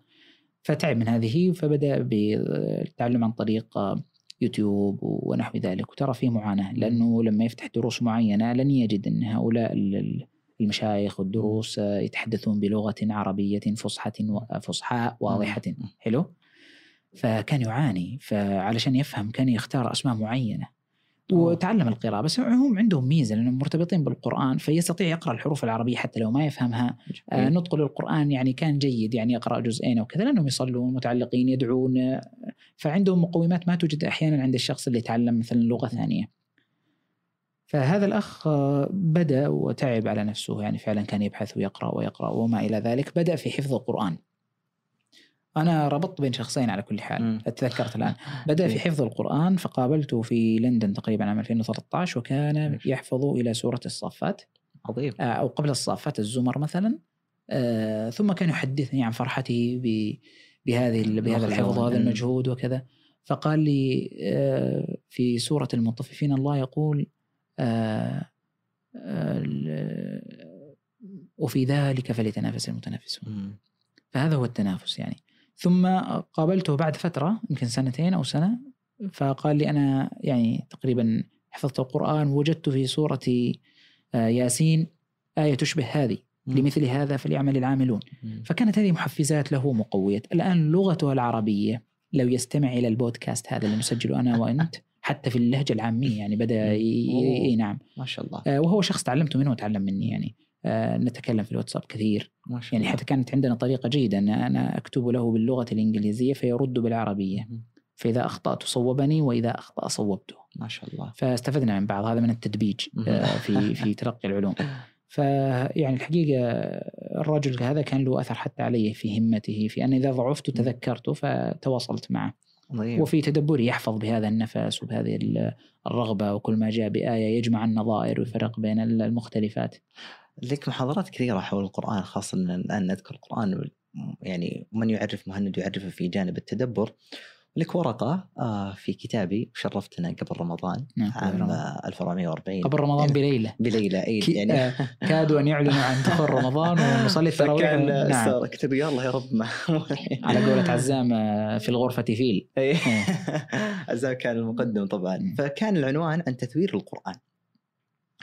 جتنا اشكالات قبل تجي الحلقة إنه أو موعد الورقة وش معنى تثوير القرآن؟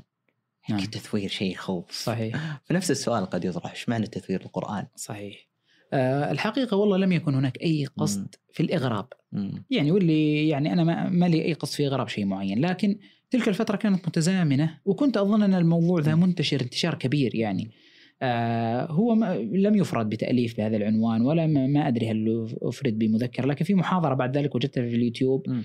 للأستاذ عمرو الشرقاوي له كتاب المشوق إلى القرآن. لكن له محاضرة بهذا العنوان تثوير القرآن. لكن أول ما تلقفت هذه العبارة قديما في المنتديات مم. من الدكتور مساعد الطيار. ما شاء الله. آه، كانت حدث في ملتقى أهل التفسير. أنا لما ذكرت الحديث ولالوكا كان, كان أي. أهل التفسير كذلك نعم قائم.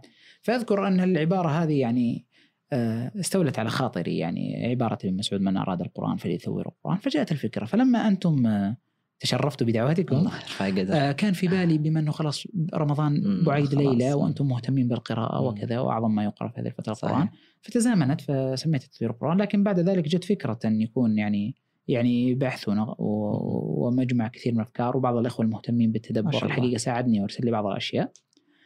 آه، وفي نفس رمضان كتبت يعني يعني دونت آه، أفكار معينة تتعلق بشيء من تثوير القرآن مثل الله. مثلا فكرة التدين القرآني يعني ما هو التدين القرآني؟ مم. التدين بمعايير القرآن مثلا آه، طبعا لما أقول التدين القرآني ما أعني إنه استقلال عن السنة لا لكن تعلم إنه مثلا يعني من مظاهر التدين القرآني مثلا على سبيل المثال لما الله سبحانه وتعالى يقول قد أفلح المؤمنون مم. السؤال الأول من هم المؤمنون ها صح. عشان الآن قاعد. يعدد اوصاف. المتدين الذين هم في صلاتهم خاشعون. فهذا يجعلك ترتب الأولويات مم. عظمة الخشوع قبل مثلا آه، شيء شكلي ربما تقدمه يمين ويسار آه، هذا هو باختصار يعني ما يتعلق آه، ذكرت نفس ال- الورقة عن مركزية القرآن اللي كنت أؤكد عليها تماما خاصة اليوم يعني ممكن تلاحظ عدم ثبات مرجعية معينة عند الشباب كم من القارئين أو غيرهم فكيف ممكن أن نوصل للناس آه، أن هذا القرآن هو المرجعية وأنه نضبط البوصلة فيه؟ صحيح. هذا كنت تتكلم بحرقة. نعم.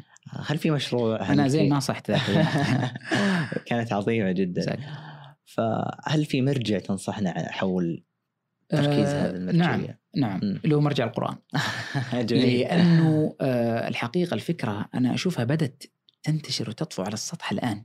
صار حتى في استحياء من الآيات. مم. جيد. يعني تخيل في بودكاست كلموني وكذا من الأشياء اللي قالوها ترى يعني نبغى آيات. يعني ليش؟ ما, ما تذكرها بالشكل مم. هذا كأنك تذكر نصوص.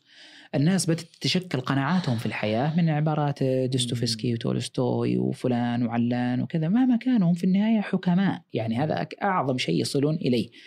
الذي اريده ول ولأجل ذلك نزل القرآن أن يكون هو المهيمن الهيمنة والمركزية للقرآن. يعني أنا ما عندي مشكلة أتقبل أو أقرأ آراء كثيرة جدا.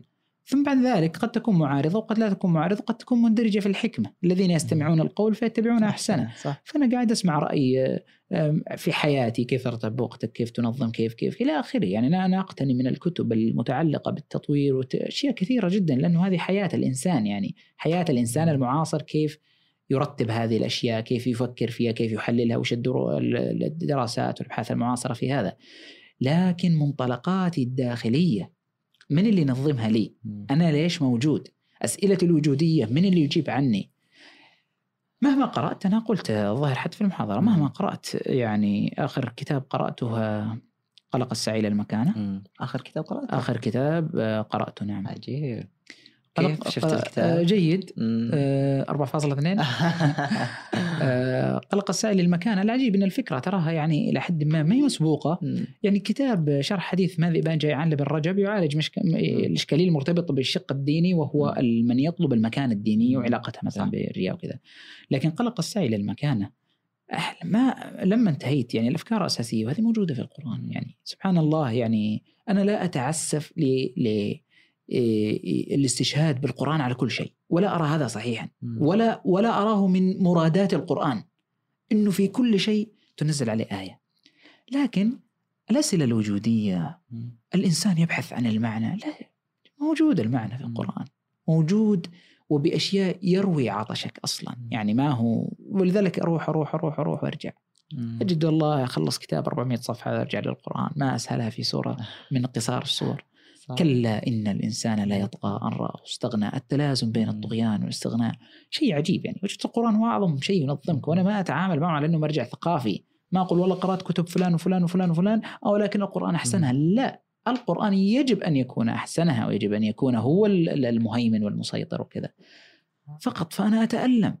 وما لي لا أتألم وأنا أرى الصدوف التام عن عن القرآن وجعله مجرد كتاب يقدس و فقط يعني هل سنتحول هل سنتحول إلى آه، أن يكون القرآن كالإنجيل؟ لا نرى إلا في آه، يعني في أماكن معينة عند النصارى والكتاب المقدس هكذا. لا كتاب مرجع وكتاب ينظم حياتك وكتاب يرتب أولوياتك وأقرأ تغريدات وأشوف سنابات أسئلة وجودية معينة وكأن الإنسان حائر ويبحث وكل شيء. كالعيسي في البيداء يقتلها الظما. إيه. والماء فوق ظهورها محمول. زمزم فينا ولكن أين من يقنع الدنيا بجدوى زمزمي؟ يعني عندك اقصد البحر وخلي القنوات. هذا ما يتعلق بالجانب المسلكي الجانب المعرفي الجانب الحياتي اللي يتعلق بتنظيم علاقة الإنسان. آه، بوصلة الإنسان. أسئلة الإنسان فالقرآن ويجب القرآن ما نزل إلا لهذا يعني هو أصلا يهدي للتي هي أقوى مو بس قيمة لأنك ربما تجد شخص يهديك إلى طريق قيم لكن القرآن يهديك للتي هي أقوى. أحسن شيء. وأنت بالخيار. كيف تشوف آه، يعني وصلنا لهذه المرحلة؟ أنا أذكر ممكن أزيد يعني أضيقك زيادة. كنت قبل فترة بسيطة في حلقة ثقافية يتكلمون عن إذا سمحت لي إني أتحدث يمكن بآخذ دقيقة. أنا أعتذر إني اللي أتحدث لا المفترض. هذا المفترض إنك أنت اللي تتحدث كنت في جلسة نقاشية حول موضوع ما آه، يعني حول بعض الأسئلة الوجودية في هذا الجانب. كنت صدق مستمع يعني ما أردت إني أناقش. لكن حصل زي ما تقول مداخلة ما قدرت إني ما ما ما أداخل. كانوا يتكلمون عن الإسلام والتاريخ وما إلى ذلك وعن الاخلاق ثم ذكر أحد الأشخاص أن الإسلام آه، ترى من جاء محمد فقط. يعني سابقا ما كان في إسلام. يعني شوفوا نصارى دين يعني النصرانيه دين واليهودية. أنا عرفت الصدمة. كيف م. مثل هذا الأمر لا يعرف؟ طبعا ناقشت وعرضت هذه الفكرة. المساله اللي ببغى أوصلها بعد كل الذي دار يمكن أكثر من ساعة ونص. ذكر أحدهم في آخر النقاش وعلى استحياء. آه يعني كذا إحنا قلنا وما أدري إيش لكن ترى لابد من مرجعية. فعرفت اللي قلت؟ من بداية اللقاء كان لابد من مرجعية. وكل المرجعيات الإنسانية اللي كنت تتكلمون عنها كلها كان تضربونها في الجدار يعني. فأحس الإنسان اليوم ما وده يواجه. يعني ممكن حتى يوم قلت لك ما هو الكتاب قلت هو القرآن نفسه. نعم. كيف ممكن نوصل الناس إلى مرحلة الاستشعار فعلا؟ أنا فعلا أبغى أستشعر بس كيف أوصل لها؟ كيف تشوف الاقبال الاقبال إنك تشوف الخطوة الأولى إني فعلا أروح للقرآن. أن تعلم ان تعلم أنك عطشان من القرآن هو الري بس بكل بساطة. إذا أنت ما علمت أنك عطشان والقران هو الري أنت مشكلة ما تعرف ما تعرف ما الذي يفيدك وما الذي لا يفيدك. ما ما في حل آخر. آه، ما عندي حلول أخرى. تعلم أنك أنت جائع وهو الذي سيطعمك وأنك عطشان وهو الذي سيرويك. فقط إذا تريد أن تبحث عن المصادر الاخرى قدام. ابحث. مداخل يعني تخلص من دوستويفسكي وتخل تستخرج كل تحليلاته للإنسان وتنتقل لتولستوي تجد أن النظرات كثيرة مختلفة تنتقل لكارت مدري شو اسمه والثالث والرابع والخامس والسادس ثم ترجع لي بعد عشر سنوات. تقول يا أخي كل هذه ما اشبعتني وهذه وجدت في العصور المتقدمة الاهتمام بالفلسفة ونحو ذلك وهذا كله لا يعني دائما لا تجعلون الأمور بهذه المفاصلة. هل أستفيد من تراث الآخرين؟ لا أستفيد. أستفد وأقرأ ولا تزيدك القراءة في كثير من الأحيان إلا معرفة واطلاعا وثقافة. لكن هذه مركزيتنا ونراه هذا يعني ديننا يعني. عجيب. ممكن آخذ فاصل شعري؟ فاصل شعري أنت أي. عندك شعر جاهز لا أنا مو؟ عندي أنا عندي لن لحظة. لحظة على أي. كثرة قفشاتك ما شاء الله لن تجد أنا أعتقد إنك لن تجد أني يوما ما نشرت ابيات أو قصيدة فلا تس... والسامعين لا يعرفون إنك شاعر لا تستذكي لأني لست بشاعر طيب ماذا عن أنا والشعر نار في جليدي وش قصة هذا البيت هذا المطلع لا كذا أنا بصم لك يعني أنا والشعر نار في جليدي اولا يعني أعتذر لكل شاعر لكل محب للشعر قد يسمع شيئا لا يروقه أم، أنا يعني أقول الشعر أكتبه لكني ما أحب يعني لا أريد أن أقول لا أحب الشعر لا يستهويني استهواء النثر. فأنا نثري بالدرجة الأولى بدأت أحب النثر والكلام ال- المبسوط. المسترسل الذي لا يلتزم كاتبه آه، بضرورة أو قافية ونحو ذلك ولي رأي معين في الشعر السابق. يعني ليس هذا محله يعني على كل حال نقاشها لكنه هو أسهل الشعر أسهل في حفظه وتناقله لا سيما بين القبائل ونحو ذلك. كان وسيلة إعلامية قوية. صح. لكن آه، بالنسبة للشعر فكنت أقول شيء منه وأحفظ الكثير منه. أحيانا أحفظ لأس... ل... ل... لأقول لأستدل ل- لهكذا مق- مقاصد الحفظ أكثر من أن تكون محبا له. ولا يعني إني ما احب ما أحب الشعر. أحبه لكن من كل تخيل من كل 100 قصيدة ممكن قصيدة ومن كل قصيدة 50 بيت ممكن بيتين. يعني مهم. ليس مجالي ليس ليس ما ما هو. يعني اعتذر صراحة لكل تتذوق للشعر الشعر. يعني. أتذوق، وي. هذه شخص من متعصبة الشعر والشعراء آه، سبق أنه ذكر لي هذا وفي نقاش خاص يعني. فقلت له وجهة نظري يعني أنا نثري وأحب الخيال الواسع والبسط وعبارة مختصرة ولو ثلاث كلمات أحب من بيت شعري يعني التزم فيه الشاعر بالتزامات كثيرة مثل مثل المقاولين يلتزمون بمعايير معينة عشان يصب الصب بشكل صحيح مهما كان الشعر مطبوعا فقال لي لأنك ما تعرف الشعر ولا تحفظ ولا شيء فزعلت منه فقلت له هذه قلت له هذه مباشرة قلت له أنا والشعر نار في جليدي فلا أدري الشقي من السعيد يعني أنا ولا الشاعر يعني. أقول الشعر حين أشاء جزلا كأن القلب قد من الحديد. آه. يعني كأني أقول له ترى ما يقول الشعر الواحد قواعد آه كأن القلب قد من الحديد. وتؤنسني بيوتات حسان. وأحفظ ما أشاء من القصيد. ولست أرى لمثلي من غروري. كقول الشافعي على الجديد. ولولا الشعر بالعلماء يزري لكنت اليوم أشعر من لبيدي الله طبعا. آه، تسلم طبعا صح بدنك الآن الأبيات هذه فيها من الغرور مم. إثبات مو بس الشعر الشعر والعلم. ولكنها هي كانت من باب الإحماضات وكذا. والقصائد اللي كتبتها لا تصل إلى عشر من المرحلة الثانوية إلى الآن مم. يعني قصيدة كاملة أكتبها ثنتين منها أصلا مم. في مريان يعني ما, بقي. ما بقي إلا تستاهل. ثمان إي يمكن واحدة في رينادا وريان أول ما جاء ما جو يعني. ما أكتب وحاولت يعني أذكر كانت في حوادث عالمية تصير أحاول أكتب آه، أتعب تصل مم. لعشرة أبيات وربما لن لست مطبوعا هذا. وارد يعني لست مطبوعا على الشعر بدايتك كانت ثانوي؟ ولا محب ان. أطور فيه يعني مرة تحمست وشاركت في حلبات اللقاء قديم يمكن. ثالث ثانوي قصيدة من بعد ذلك ما وجدت نفسي فيه ولا ولا أتعب تعب الشعراء وكذا.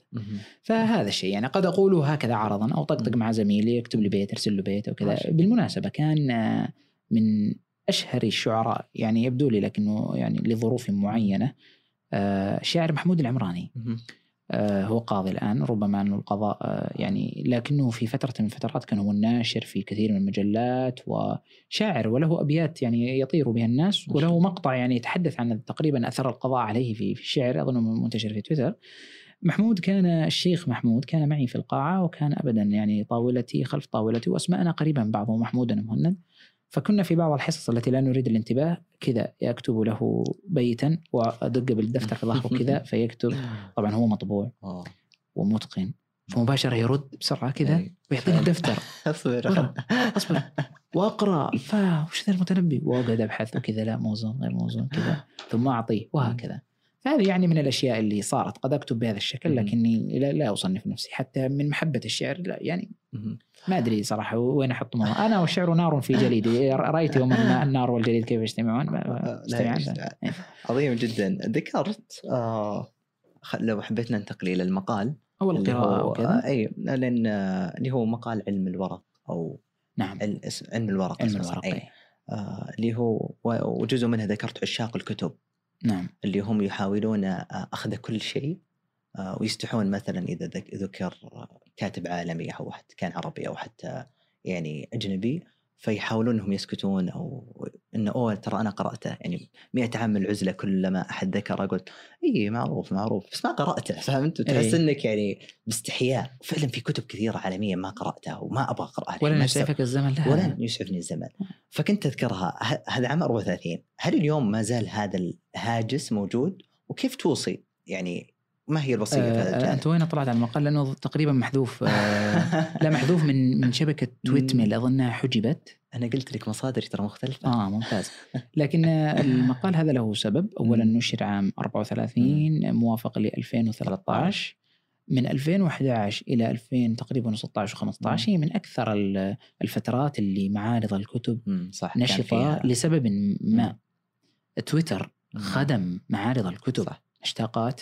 حلوة دي هاشتاقات هاشتاقات. يعني أوسمة على قولة المعربين إيه الهاشتاجات اللي في. المعارض والكتب. وصدر حديث والناس تروح حتى لو. ما تروح إلا على قولتهم تاكل ذرة بس. روح ممتاز شارك في ال- فوجدت أن هذه بدات كظاهرة شراء الكتب من غير قراءة وكثر الكتبيون. مع أنهم كانوا قلة وأصبحت ظاهرة جمع الكتب ظاهرة معينة وكذا فكتبت فلامست شغاف كثير من الناس أصلا يعني ليش؟ لأنه في صفحة التويت ميل يعني بلغت القراءة يعني ما دقق بس إني شفتها. بعد ثلاث سنوات يمكن وصلت 45 ألف المقال ما زال موجود في شبكة الألوكة في. الدرر السنيه كذا الله. في في روابطها الأصلية ذهب آه، فهو يعالج هذه الفكرة إيضاح والتصحيح كيف تكون كيف تجمع الكتب وفي نفس الوقت ما هي الغاية من الكتب. هذه الفكرة الإجمالية مم. كان مقال طويل شوية والحمد لله استحسان كثير وبعضهم نشروا بطريقة معينة آه، الشيخ سليمان الماجد وفقه الله نشره باسم مغاير قال. وراقون بلا أجرة يا الله يقصد أن العلم له أجرة إيه. معينة ونشره بهذا حتى إني استحسنت منه لدرجة أن فكرت ان اغير الموضوع فهذه الفكرة إنه الكتب ما الذي يمكن أن تقدمه الكتب. لك معرفيا. آه لنفترض أصلا أنك قارئ. هل القراءة هي الوسيلة المعرفية الوحيدة للتكوين؟ أو هناك مصادر أخرى. فهب فكيف إذا أنك تشتري الكتب وفقا للموضة؟ يعني مثلا تستحي أنه ما عندك الكتاب معين. جاءت تولدت أشياء معينة أنك صار صرت تشتري كتاب مرة ومرتين. وتنسى فتجده في الكيس ونحو ذلك. هذه فكرة المقال باختصار. لكني أذكر يعني أنه كانت كان هذا هذا التركيز على المقال. فكرة أن الكتب ليست كل شيء.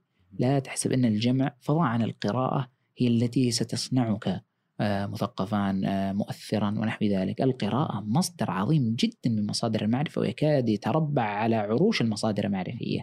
لكن هناك مصادر أخرى كثيرة لابد أن توضع بالحسبان. في هذا السياق أذكر مقولة لأبي هلال العسكري في كتاب الحث على طلب العلم أو أنه نسبة إلى شيخه جميل. لكن من أروع العبارات. ما هي. يقول إن الكتب لا تحيي الموتى. ولا تحول الأحمق بليدا ولا الغبي ذكيا. ولكن ولكن الطبع ولكن الطبيعة إذا وجد فيها أدنى قبول فإن الكتب تشحذ وتفتق وترهف. يا الله. يعني الكتب بذاتها ما راح تحول الأحمق. إلى إلى إلى ولا ولا تحيي الموتى وهكذا. هذا النص يعني مع إني نفس هذه الفكرة عندي من زمان أنا من من منذ أن بدأت في القراءة ما كنت أنوي رغم أني كنت أرى قراء وكتبيين وكذا ما كنت أنوي اني يأتي اليوم اللي يكون جدولي 16 ساعة قراءة وبس أصلي وأرجع ما ما استهويت هذا ولا. ولا يمكن أن أنفق يعني بل الآن مؤخرا ما تصل قراءتي إلى ساعتين في اليوم. ساعتين ما أكاد ما شاء الله أصلا إذا. وصلت أصلا إذا وصلت إلى هذا الحد ساعتين. أعتبر نفسي قارئ وفق معاييري الخاصة وفق معاييري الخاصة أرى نفسي قارئ. ولا أقول اللي يقرأ 14 ساعة لا لا أراه إنه تميز علي في. في في المده لا ليش؟ خلاص يعني مم. الحياة أكبر من القراءة صح. الحياة أكبر من القراءة بل إنه عراب ال- القانون المدني عبد الرزاق السنهوري. في سيرته الشهيرة لما بلغ الثلاثين هو كان يدون مواليده يقول في هذا اليوم بلغت الثلاثين في لما بلغ الثلاثين قال في هذا اليوم بلغت سن الثلاثين والسنوات المقبلة ستكون سنوات قراءة في الحياة. لا في الكتب طبعا هو ما يقصد أنه سينقطع عن الكتب صح. لكنه لن يكون كسنوات الاجتهاد. فمن الأشياء اللي أحمد الله عليها إنه التحصيل وكذا كان في وقت يعني كان في وقت مبكر سواء القراءة والتعلق بها أو كذا. أنا لا أتحدث إنه هذا هو الصحيح ربما إنسان ما عرف القراءة إلا بعد العشرين يعني. لكن ابدا هذه السياق الإنسان عليه التزامات كثيرة. التزامات عائلية التزامات مع والدين التزامات حياتية التزامات مهنية. الحياة نفسها تفهم بغير طريقة الكتب. الكتب لابد أن نفرق أن المعرفة والعلم قد يتحصل الإنسان عليها أو قد يتلقاها ويكونها بطريقين. أو الطريقة تحليل من عندي هذا من كيسي كيسيبيديا. العلم والمعرفة والقراءة لابد يعني غالبا تكون إما بين التحصيل وإما بين التفعيل. أكثر الناس أين يذهب؟ القراءة التحصيلية. تحصيلية. تحصيل معلومات. قرات الكتاب هذه فوائد منتقاه انتهى دوري. القراءة التفعيلية اللي بتكون مليئة بالتأمل والمناقشة و آه، كتاب يهزك. مم. يعني في هذا السياق يقول آه، آه، بهيج عثمان وقد توفي في العام الذي ولدت فيه آه، أديب فقيه لبناني. يقول لو إني يقول الكتاب الذي لا يدع قارئه يفكر فيه بعد فراقه ليس بكتاب قيم كما أن الصديق الذي ينسى بسهولة ليس صديقا. فالكتاب هذا بعد ما تنتهي منه إذا ما كان هذا الكتاب هو اللي أضاف لك ولا غيرك ولا خلاك تعارضه ولا خلاك تقبل أشياء منه هذه القراءة الحقيقية. التفعيلية و... وفيها هذا الجناس يعني القراءة بين التفعيل والتحصيل تصلح ما قالوا اللي, بي... اللي بياخذوا يا عنوان. كتاب آه، حلاله يعني. لكن آه، هذه الفكرة أنك لابد أن تفعل. كيف كيف سيكون أثره عليك؟ أثره في تفكيرك أثره في تكوينك أثره في علاقاتك أثره في يعني مجرد أن تقرأ وتنتهي ووضعت الكتاب عدته إلى رفه ممارسة هواية. هذا اللي كنت أعالجه في علم الورق أن جمع الكتب ليس كجمع الطوابع ليس كجمع التحف. أنت تجمع معرفة صدر صح. معرفة الآن تعددت صح أن بعض الناس جاء أثر معاكس وقال خلاص المعرفة كلها موجودة في آه، خطب TEDx TEDx.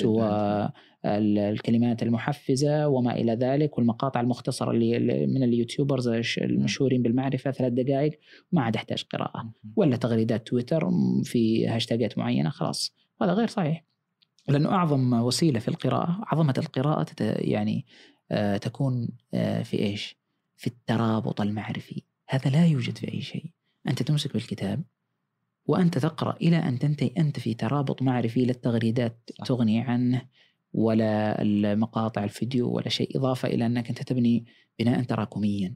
في معرفة معينة. فأنت هب أنك مثلا في علم العلوم أصول الفقه مثلا أسست نفسك تأسيسا صحيحا وهكذا. كل ما تقرأ بعد ذلك شيء له علاقة بأصول الفقه. ولو انقطعت عن علم الأصول سنوات أنت ما زلت تبني على هذا البناء بهذه المعرفة. وقل مثل ذلك في العلوم الثقافية والمعرفية والتخصصية وغير التخصصية. فهذه هذا موجود في القراءة. ولذلك القارئ غالبا لا يكاد يتنازع. القارئ ممكن يصل إلى حال يتصالح مع نفسه في تحديد مدد القراءة في تحديد أوقات القراءة. أما أنه فجأة يوما ما كان قارئا ونهما ثم قال خلاص انتهى وقت القراءة الآن ما في قراءة ما يستطيع. ما يستطيع أصلا.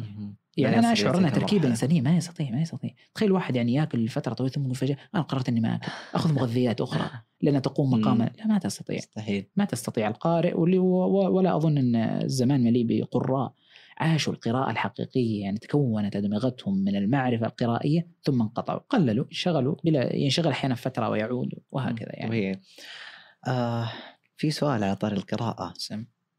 ممكن القراءة وقبلها من كل شيء تقريبا يفصل الناس إلى نخبة وغير نخبة نخبوية وغيرها بوية وشعبوية الله عليك مم. في في المجال القرائي اليوم في محيط المثقفين أن يعني عرفنا المثقف ما إلى ذلك تحس في- فعلا في هذا الجانبين الفجه العميقه بين بين ناس عن ناس بين مثلا قراء الروايات وما إلى ذلك وبين قراء العلوم العميقة وما إلى ذلك الفلسفه أو حتى العلوم الشرعية. آه، كدور شخص يريد التأثير يريد التغيير يريد بناء مركزية حقيقية. إن كان هو من النخبة مثلا هل ترى من من المنطق أو من الواجب عليه إنه يبقى بين الجلسات الخاصة وبين الجو هذا المحيط أو لا؟ فعلا يذهب إلى الشعبوية مثلا نعم. ويقول تعالوا ارتقوا إذا إذا إذا قلنا في ارتقاء ونزول. القاع ممتلئ أي بالضبط. مزدحم. فكيف ترى هذا